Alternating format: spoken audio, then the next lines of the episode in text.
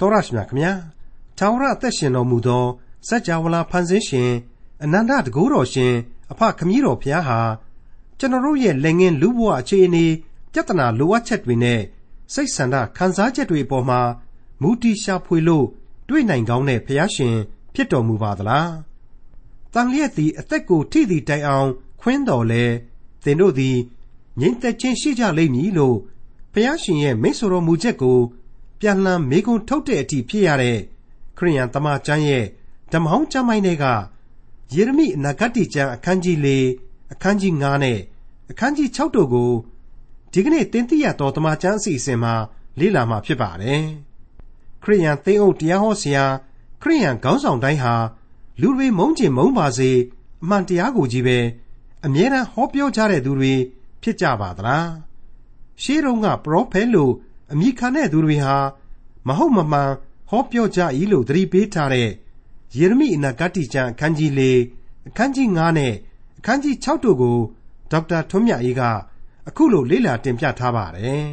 ။အိုဣသရေလအမျိုးသင်သည်ပြန်လာလို့လျှင်ငါထံသို့ပြန်လာပါ။သင်၏ယွန်ရှာပွဲတို့ကိုပယ်လို့လျှင်ငါထံမှမရွှေ့ရ။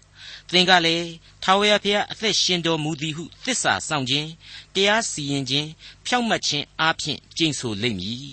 လူအမျိုးမျိုးတို့သည်လေထိုဘုရားသခင်အားဖြင့်မိမိတို့ကိုကောင်းကြီးပေး၍ထိုဘုရားသခင်ကိုအမိပြုလျက်ဝါကြွားကြလိမ့်မည်ဟုထာဝရဘုရားမိန့်တော်မူ၏မိษွေအပေါင်းတို့အခုကြားနာလိုက်ရတာကတော့ယေရမိအနာဂတ်ကျမ်းအခန်းကြီး၄ရဲ့အဖွင့်အငယ်၁နဲ့၂ကဖော်ပြချက်ပဲဖြစ်ပါတယ်။ အိုဒုစရိုက်များနဲ့ပြည့်ဝနေတဲ့ငါဤလူမျိုးတော်ဣသရေလပြန်လာလို့လျင်ပြန်လာကြပါ။ဒါပေမဲ့ပြန်လာလို့မယ်ဆိုရင်တော့တိယွန်ရှာပွဲသောအချင်းဒုစရိုက်အလုံးစုံတို့ကိုမင်းတို့စွန့်ပယ်ကြရလိမ့်မယ်။ပြီးတဲ့နောက်မှာတော့နှစ်နောက်ထပ်ငါစီမှာမြဲမြဲမြန်မြန်ပြန်ပြီးတော့နေကြရလိမ့်မယ်တဲ့။ဟုတ်ပါတယ်။တန်ရှင်းသောအနန္တတကုရှင်ဘုရားသခင်စီကိုလာလိုသူဟာအဟောင်းဘဝကိုအမှန်တကယ်စွန့်ပယ်ဝင်ရလိမ့်မယ်။ အဲ့ဒီအဟောင်းဘဝကယွန်ရှာဆက်ဆုပ်ဖွယ်ဒုစရိုက်များကိုခွာချပြစ်ရလိမ့်မယ်။အသစ်ဘဝမှာတည်ကြည်မြဲမြံစွာပြုပြင်ပြောင်းလဲခြင်းလည်းရှိကိုရှိကြဖို့လိုတယ်ဒါဟာကိုးကွယ်ခြင်းရဲ့အခြေခံလိုအပ်ချက်အဓိကကျသောသဘောတရားပဲဖြစ်ပါတယ်ပြီးတဲ့နောက်မှာတော့သင်ဟာသစ္စာဆောင်ခြင်းတရားစီရင်ခြင်းလို့ဒီနေရာမှာဖော်ပြထားတဲ့အမှားနဲ့အမှန်ကိုဝေဖန်ပိုင်းခြားနိုင်ခြင်းနဲ့တကွာ ဖြောင့်မတ်ခြင်းအပြင်အသက်ရှင်တော်မူသောဘုရားသခင်ဖြစ်တယ်ဆိုတာကိုဘုရားသခင်နဲ့ပတ်သက်ပြီးတော့ဝန်ခံရလိမ့်မယ်အဲ့ဒီခါမှာတော့သင်နှင့်တကွကမ္ဘာလောကလူသားအားလုံးတို့ဟာလေထိုဘုရားသခင်ကိုယုံကြည်လာကြရလိမ့်မယ်ထိုဘုရားသခင်ကိုဣသရေလနဲ့အတူကျေးဇူးတော်ကိုချီးမွမ်းထောမနာပြုလာကြရလိမ့်မယ်အဖဘုရားသခင်ထံကခန်းစားရာကောင်းကြီးများအားဖြင့်လေဘဝအသက်တာအသီးသီးတို့ဟာဝါကြွားဝမ်းမြောက်ခွင့်ကိုခံစားကြရလိမ့်မယ်လို့ဖော်ပြပေးလိုက်ပါတယ် မိတ်ဆွေအပေါင်းတို့ခမညာဒီအပိုင်းမှာအဖဘုရားသခင်ကိုကိုးကွယ်ယုံကြည်ခြင်းဆိုတာဟာဘယ်လိုများအနှစ်သာရတွေနဲ့ပြည့်စုံတယ်ဆိုတာတွေ့ကိုစဉ်းစားဖို့လိုအပ်တယ်လို့ကျွန်တော်ခံယူမိပါတယ်လူသားဟာဘာသာတရားယုံကြည်ကိုးကွယ်မှုအဘိဓမ္မာများကိုစွဲလန်းယုံကြည်နှစ်ချိုက်မှုစသည်ဖြင့်တခုမဟုတ်တခုသောကိုးကွယ်ခြင်းတစ်မျိုးမဟုတ်တစ်မျိုးတော့ရှိကြတာကြီးပဲလို့ကျွန်တော်မြင်မိပါတယ်အဲ့ဒီလိုကိုးကွယ်ခြင်းဝတ်ပြုခြင်း အာကိုခိုလှုံခြင်းလိုက်နာခြင်းဆိုတာတွေဟာပြောတော့တာတမလွန်အတွက်ဖြစ်တယ်လောကုတ်တရားကောင်းကျိုးအတွက်လို့ဆိုတယ်ဘဝရဲ့လွတ်မြောက်ခြင်းလမ်းအတွက်လည်းဖြစ်တယ်လို့ပြောနေကြတာပါအမှန်ကတော့ကိုဆိုတဲ့လူဘဝရဲ့လက်ငင်းအခြေအနေလက်ငင်းပြဿနာလက်ငင်းလိုအပ်ချက်လက်ငင်းစိတ်ဆန္ဒတို့နဲ့သာလိုက်လျောညီထွေမှုရှိမယ်ကိုယ့်တဲ့ပို၍တော်သောအရာကိုယ့်ကိုစိတ်သက်အားဖြည့်ပေးနိုင်မယ့်အရာတို့ကိုသာလူသားတို့ဟာကိုးကွယ်ကြခြင်းပဲ အားကိုးခိုလှုံကြခြင်းပဲလက်တွေ့ဆန်တဲ့ခံစားချက်ကြောင့်သာလျှင်ကိုယ့်တဲ့အာသန်သူကိုအားကြတိုက်သောအရာစံပြုတ်တိုက်သောအရာတို့ကိုတင်မြှောက်အားကိုးပြီးတော့နာခံကြခြင်းပဲအဲ့ဒီနီးအားဖြင့်လေဘာသာရေးယုံကြည်ချက်များအသီးသီးဖြစ်တည်လာရတယ်ဆိုတာဟာရှင်းနေပါလေငါတို့ကဘယ်ဖះမှမယုံဘူးဟေဘာသာတရားကိုလည်းငါတို့မကိုးကွယ်ဘူးဝါဒတစ်ခုကိုပဲကိုးကွယ်တယ်ဆိုရင်လေဒီအခြေခံသဘောတရားကနေပြီးတော့မလွတ်နိုင်ပါဘူး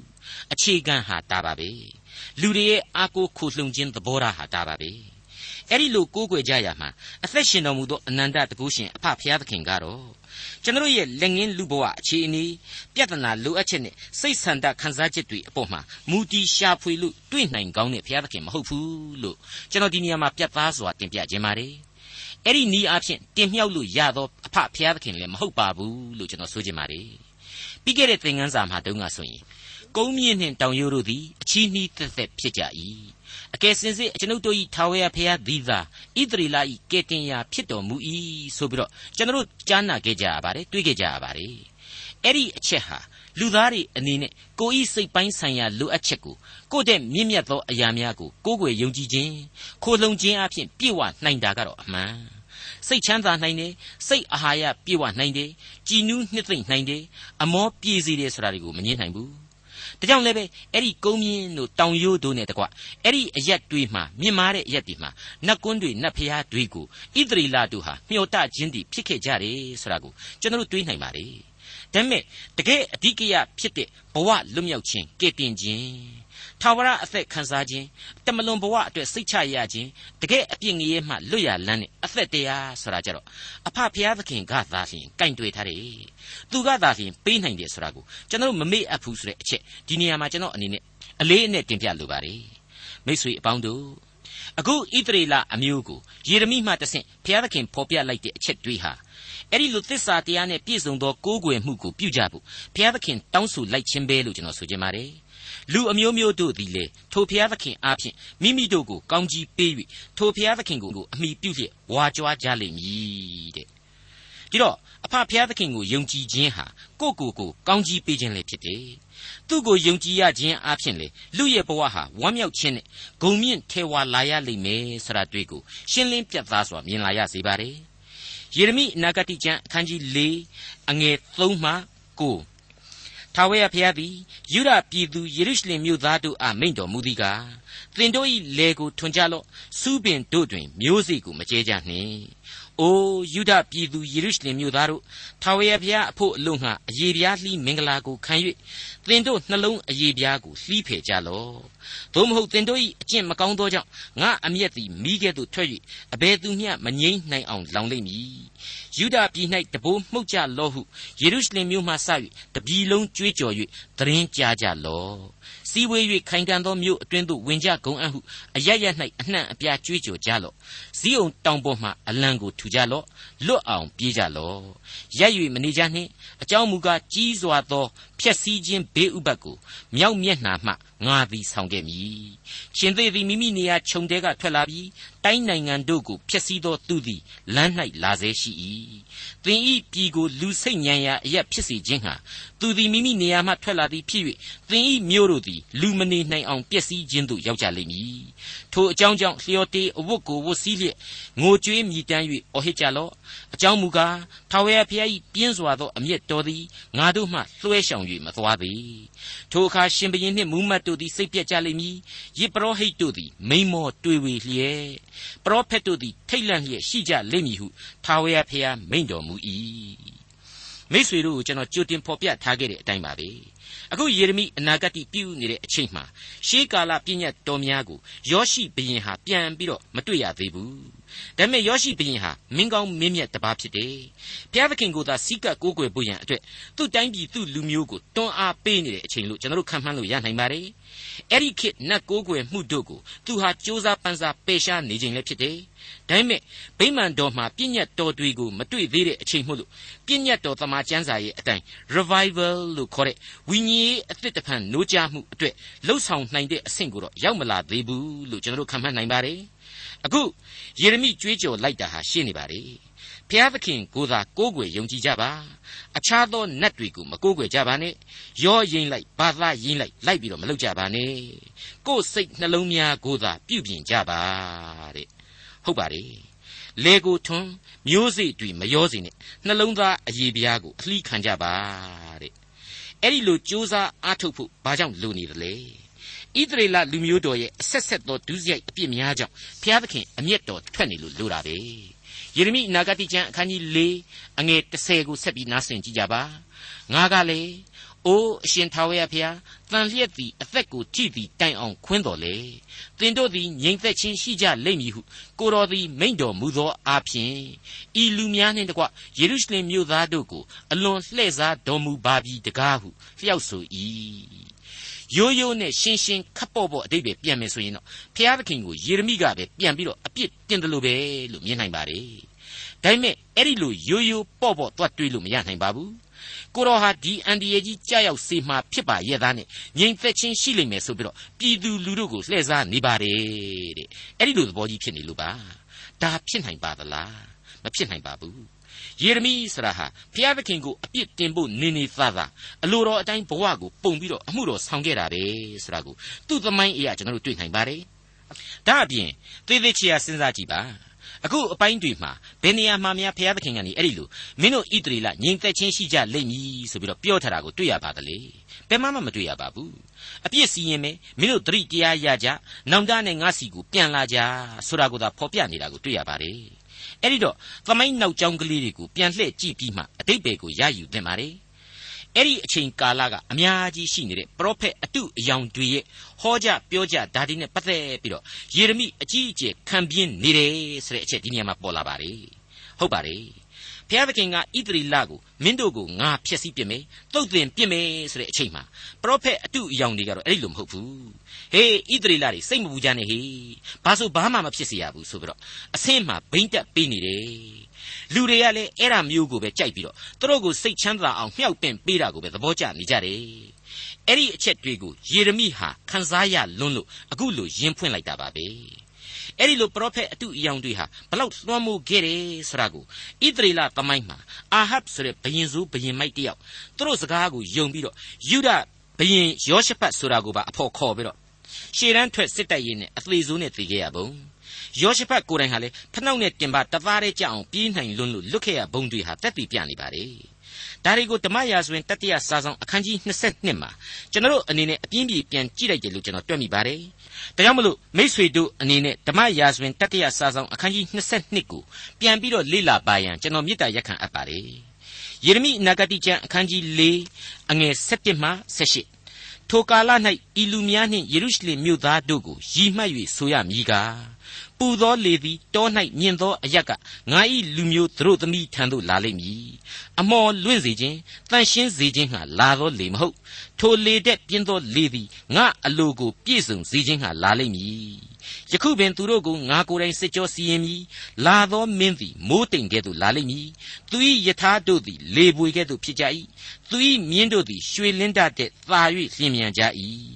ငါတို့သည်အမင်္ဂလာရှိကြ၏ပျက်စီးခြင်းသို့ရောက်ကြပြီ။ အိုးယေရုရှလင်မြို့သင်သည်ကယ်တင်ခြင်းသို့ရောက်ခြင်းဟာသင်၏စိတ်နှလုံးကိုဒုစရိုက်အပြစ်နှင့်ကင်းစင်စေလော့။သင်၏အရမအကြံအစီတို့သည်အဘယ်မျှကာလပတ်လုံးသင်၏အထဲ၌တည်နေရမည်နီ။ဒံပြည်၌အဖန်ကိုကြားရ၏။အေဖရိမ်တောင်ပေါ်မှဒုက္ခသတင်းကိုဟစ်ကြော်ကြ၏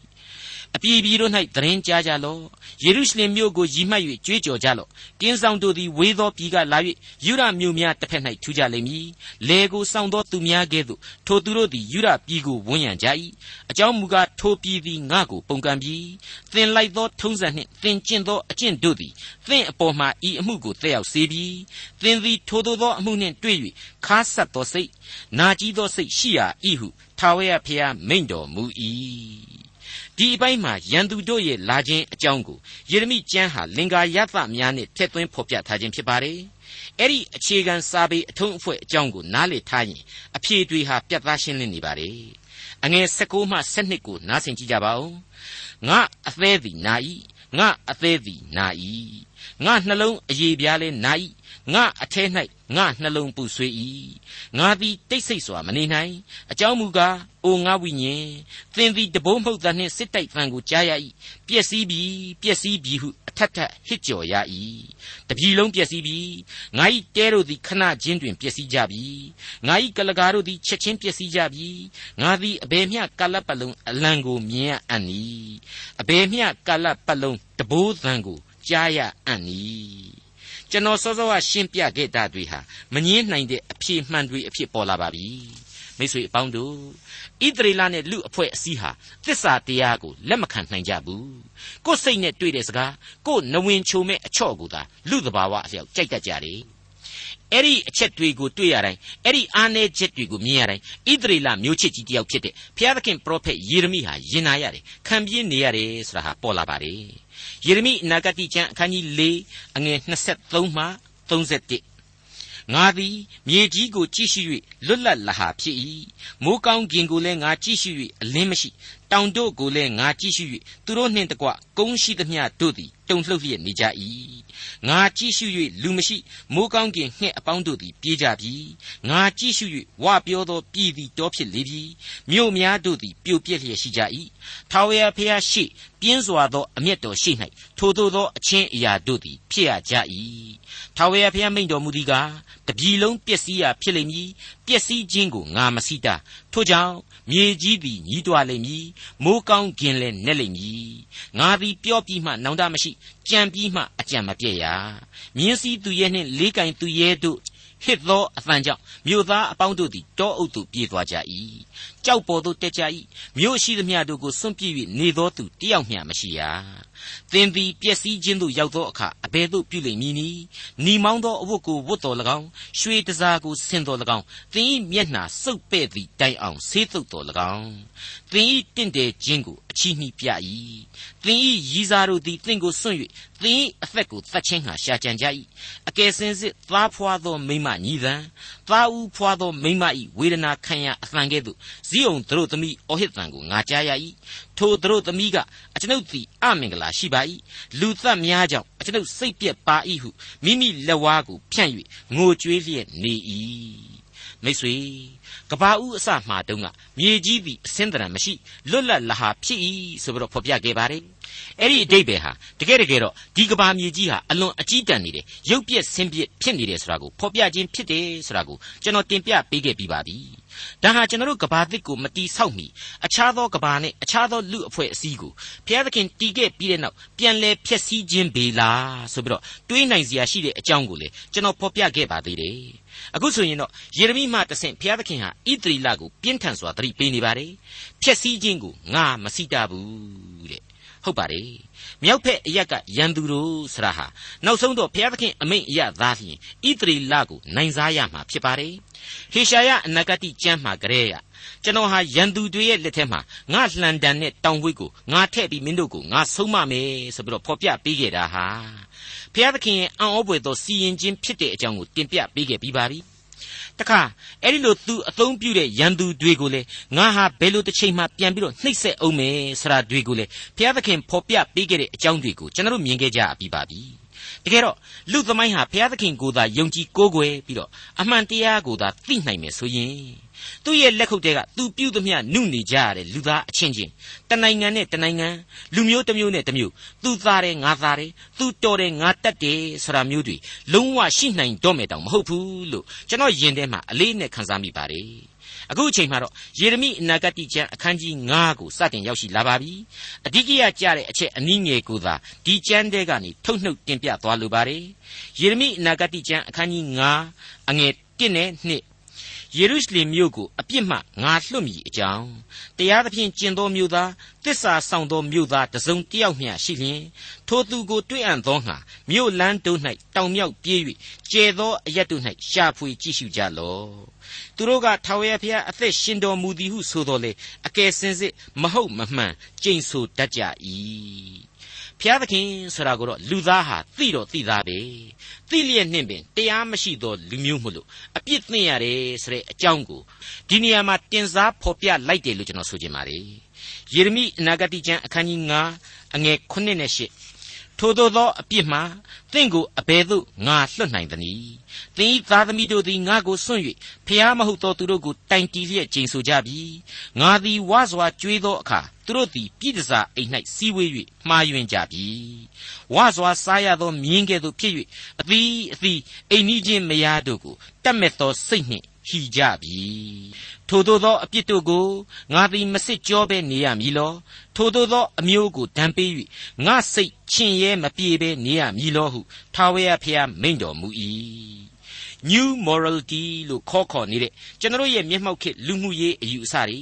sex freedom ဆိုပြီးတော့ပြော့ပြော့နေတဲ့ပုံမှန်လွတ်လပ်မှုအတွေ့အခေါ်တွေကြောက်စရာမကောင်းဘူးလားကာမဂုဏ်အာယုံခံစား권ကိုဘုရားသခင်ဟာကောင်းကြီးပေးပြီးတော့လူသားအတွေ့ချထားပေးပါတယ်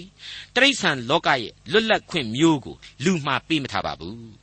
ယေရမိနဂတိကျမ်းအခန်းကြီး9အငယ်28မှ31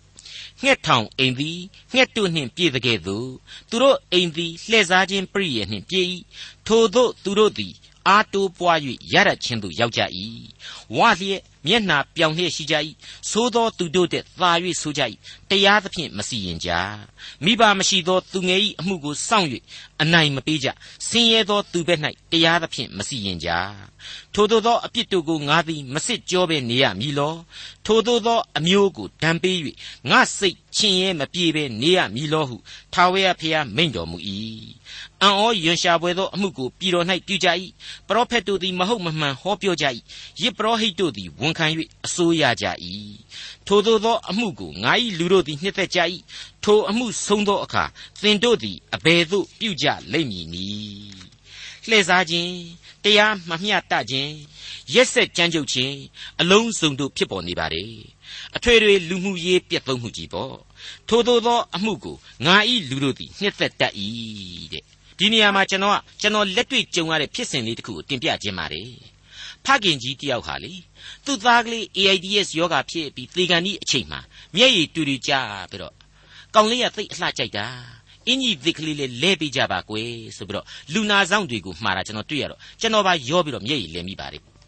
ပြီးတော့မှအသက်ထွက်လူထွက်ဆဲသူ့သားကလေးကိုစိတ်စိတ်ကြည့်ပြီးတော့ငါသားကလေးသတိမလစ်ခင်တုန်းကသူကြိုက်တတ်တဲ့ secret ကလေးများတောက်မှသွားရရဲ့လားကွာဆိုပြီးတော့မိတာကိုလည်းကြားရပါတယ်ဟုတ်ပါတယ်မိတ်ဆွေအပေါင်းတို့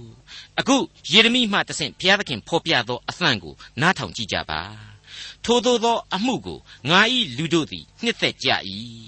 ထိုအမှုဆုံးသောအခါသင်တို့သည်အဘယ်သို့ပြုကြလိမ့်မည်နည်းကျွန်တော်ဆောင်းကပြောခဲ့တဲ့ဥပမာနဲ့မနှိုင်းအပ်ပေမဲ့စဉ်းစားစရာအချက်တွေးဟာဝိုင်းဝိုင်းလဲလျက်ရှိနေပါလေဟုတ်ပါတယ်မိတ်ဆွေအပေါင်းတို့ဟေရှာယအနာဂတိကျမ်းရဲ့အစပိုင်းတုန်းကအသံတသံဟာလေကျွန်တော်နားရဲကိုဒီအပိုင်းမှာစူးကနေဝင်ရောက်လာတယ်လို့ပါပဲ ငါကြွေးမွေးပြုစုသောသားသမီးတို့သည်ငါကိုပုန်ကန်ကြပြီတဲ့ဒေါသယသကြားတဲ့ကပဲဂယုဏအယတာကိုဖော်ပြနေတယ်မဟုတ်ဘူးလားဂယုဏယသကိုကျွန်တော်ခန်းစားထိတွေ့နိုင်တယ်မဟုတ်ဘူးလားမိတ်ဆွေအပေါင်းတို့လူသားမိဘတို့ရဲ့မေတ္တာကိုတောင်မှကျွန်တော်ဟာရှင်းလင်းပြတ်သားစွာနားမလည်နိုင်ဘူးဆိုရင်အဖဖခင်သခင်ရဲ့မေတ္တာကိုဘယ်လိုများနားလည်နိုင်မှာလဲလို့ဒီနေရာမှာကျွန်တော်မိကွန်းထုတ်ချင်ပါတယ် အခုအချိန်မှာတော့ယေရမိအနာဂတ်ကျမ်းအခန်းကြီး6ကိုဆက်ပြရစီ။အိုးဗိယမိန်အမျိုးသားတို့ယေရုရှလင်မြို့တဲကထွက်၍လွတ်အောင်ပြေးကြလော့။တေကောရွာ၌တဘိုးမှုတ်ကြလော့။ဘေးသက်ကရင်ရွာ၌မိရှုကိုမှောက်၍ပြကြလော့။ မိရှုကိုမြှောက်၍ပြကြလော့အကြောင်းမူကားဘေးဥပတ်ကြီးဟုသောကြီးစွာသောပျက်စီးခြင်းအကြောင်းအရာသည်မြောက်မျက်နှာကပေါ်လာ၏အစင်းလှ၍နူးညံ့သိမ်မွေ့သောသူကြီးဟုသောဇီးုံတို့သမီးကိုငါဖျက်ဆီးမည်